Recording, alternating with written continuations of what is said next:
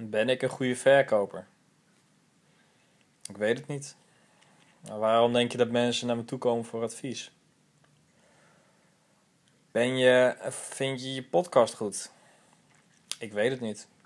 Maar waarom denk je dat veel mensen het luisteren?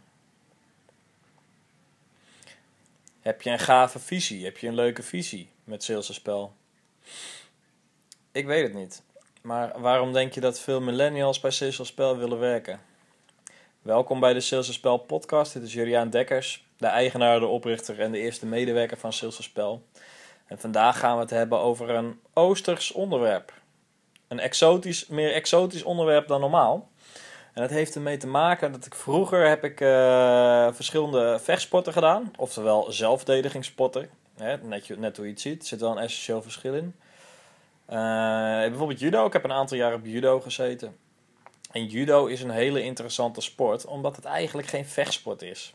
Het is dus niet zoals boksen. Hè, waar, waar je uitgaat van je eigen kracht. Maar judo gaat uit van het gebruiken van de kracht van je tegenstander. Dus wat je eigenlijk doet, is dat je de energie die je tegenstander in een, in een aanval stopt, dat je die um, omzet naar je eigen energie. Oftewel dat je die energie gebruikt om je tegenstander uit te schakelen. Dus stel iemand komt op je afrennen, dan is het niet de bedoeling dat je diegene stopt, maar dat je die, die, die energie die je daarmee genereert, dat je die gebruikt uh, in je worp. Zodat je een hele krachtige worp kan doen en zodat iemand gewoon um, in no time uitgeschakeld is. Je maakt dus gebruik van de energie van uh, degene waarmee je vecht. En eigenlijk is verkoop niet zo heel veel anders dan judo. En ik zal je ook uitleggen waarom. De krachtigste manier om te verkopen is namelijk, en dat was ook een hele slimme opmerking um, van uh, iemand die een uh, LinkedIn post of een LinkedIn bericht stuurde op mijn post. Daardoor heb ik ook inspiratie gekregen. Um, je kan beter de, de klant of de potentiële klant het product aan zichzelf laten verkopen dan dat je het zelf verkoopt. En ik zal je uitleggen waarom. Je hebt vast wel eens de vraag gehad: waarom is je product zo duur? Dan kan je dus zeggen van, nou, dat komt hierdoor, dat komt omdat het goed is, dat komt omdat het zo is, dat komt omdat het dit doet, dat komt omdat het dit doet. Maar wat je dan eigenlijk doet, je gaat dus uh, ja, je ja, schiet eigenlijk in de verdediging. Je gaat uitleggen waarom je product goed is. Dat is verdedigen. Hè? Maar wat je ook kan doen, is dat je die energie die de klant eigenlijk naar jou stuurt, oftewel de, de ja, eigenlijk wel een soort van uh, test is. Hè? Het is best wel een, een ja, flinke vraag van waarom is je product zo duur?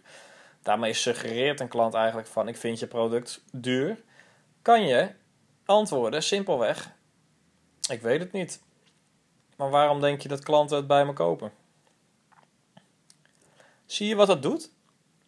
Je stelt dus, je, je pakt dus de energie van die klant die die stuurt naar jou, die stuur je terug. Dus je stelt hem een wedervraag. Of je stelt haar een wedervraag.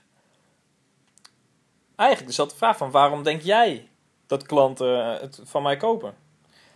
En wat je daarmee doet, is dat je ook sociaal bewijs genereert kan je mijn eerste aflevering terugluisteren. Dus sociaal bewijs komt daarin terug. Want je zegt, je zegt in je vraag, impliceer je ook van um, dat er meerdere mensen zijn die het bij je kopen. En dat die het kopen voor die prijs. En wat, wat je daarmee doet met die vraag, dus je slaat meerdere vliegen in één klap, is dat um, iemand daardoor aan zichzelf gaat uitleggen waarom hij product koopt. Dus iemand zegt waarschijnlijk, uh, nou, omdat het goed is. Uh, nou, omdat het uh, mensen helpt? Ja, precies. Dus iemand beantwoordt het zelf die vraag. Dat gel datzelfde geldt voor uh, je toon, hè, waarmee je praat. Dus ik praat, ik praat soms best wel snel. Uh, sommige mensen zeggen dat ook wel eens. Daar moet ik ook wel een beetje op letten. Maar dat komt ook door mijn enthousiasme natuurlijk voor uh, sales spel. Dat ik wat sneller praat of dat ik wat ehm, enthousiast ben. Um, maar eigenlijk is het heel krachtig om niet zo heel enthousiast te zijn, maar om in een wat lagere toon te praten.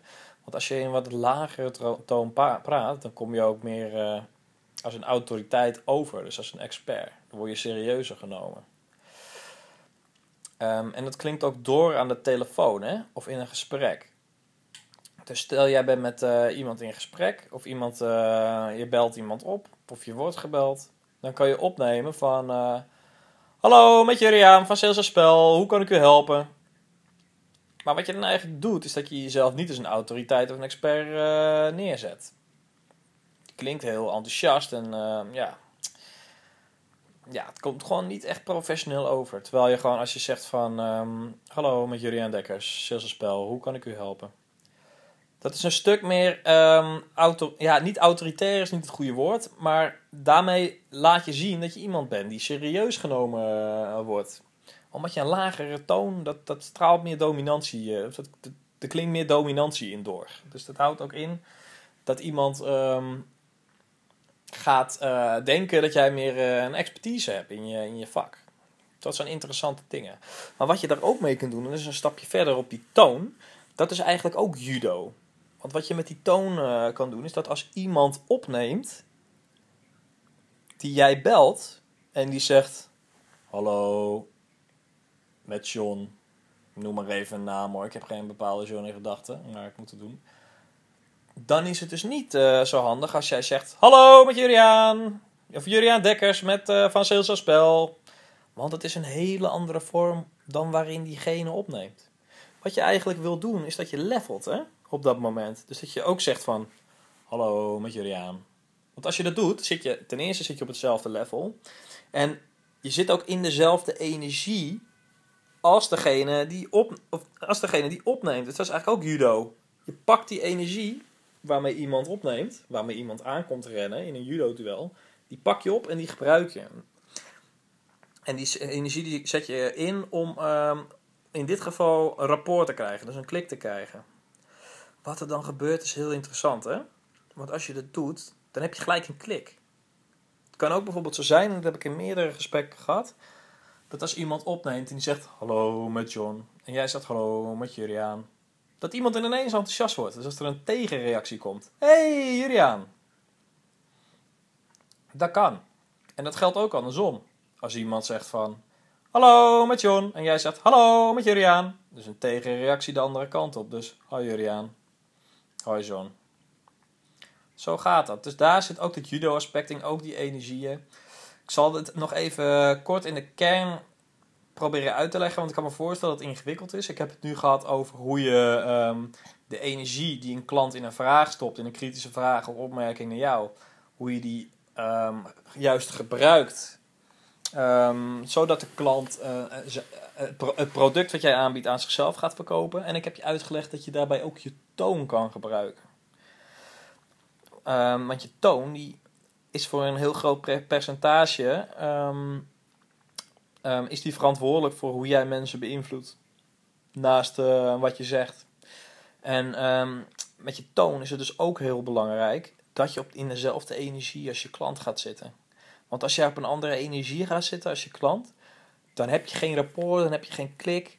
En dan is je klant ook niet ontvankelijk voor de boodschappen die je hebt. En dan kom je niet samen tot een mooie samenwerking. Dus kortom, pitch jezelf niet te veel. Is helemaal niet nodig. Kost ook gewoon energie. Kijk van wat voor vraag stelt de klant. Zeg gewoon, ik weet het niet. En stel een wedervraag. Waarom denk jij dat het zo is? Of waarom denk jij dat klanten bij me terugkomen? Waarom denk jij dat klanten vaak uh, gelijk beslissen? Waarom denk jij um, dat, ze vaak bij me terug, dat klanten vaak bij me terugkomen?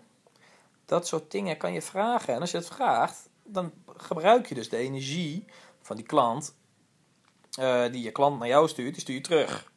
En dat is enorm krachtig. Probeer het maar eens. Je lacht je echt rot. Je lacht je echt rot hoe krachtig dat is. Want daardoor, dat betekent ook dat je meer kan luisteren van wat nou precies de behoefte is van die klant en wat hij denkt. De klant verkoopt het aan zichzelf. Die bepaalt zelf de argumenten. En het is ook gewoon een psychologisch. Of, er is onderzoek naar gedaan dat mensen die meer praten in een gesprek. dat die zich meer, uh, dat die meer klik voelen in een gesprek, omdat ze meer over zichzelf kunnen praten. Dus als ze meer over zichzelf kunnen praten, dan gaan ze jou meer, um, krijgen ze meer sympathie voor jou. Omdat ze zelf het gevoel hebben dat ze een enorme band hebben met je opgebouwd. Er zitten meerdere mechanismen achter. Ik hoop dat het duidelijk was. Luister het anders een keer nog eens. Want het zijn meerdere dingen die je in dit verhaal terug kan horen. En die je kan gaan, gaan toepassen. Ehm, bedankt weer voor het luisteren. Nogmaals, ik weet niet of uh, het Spel e-book je gaat helpen. Uh, maar waarom denk je dat nu al 25 mensen het boek willen hebben?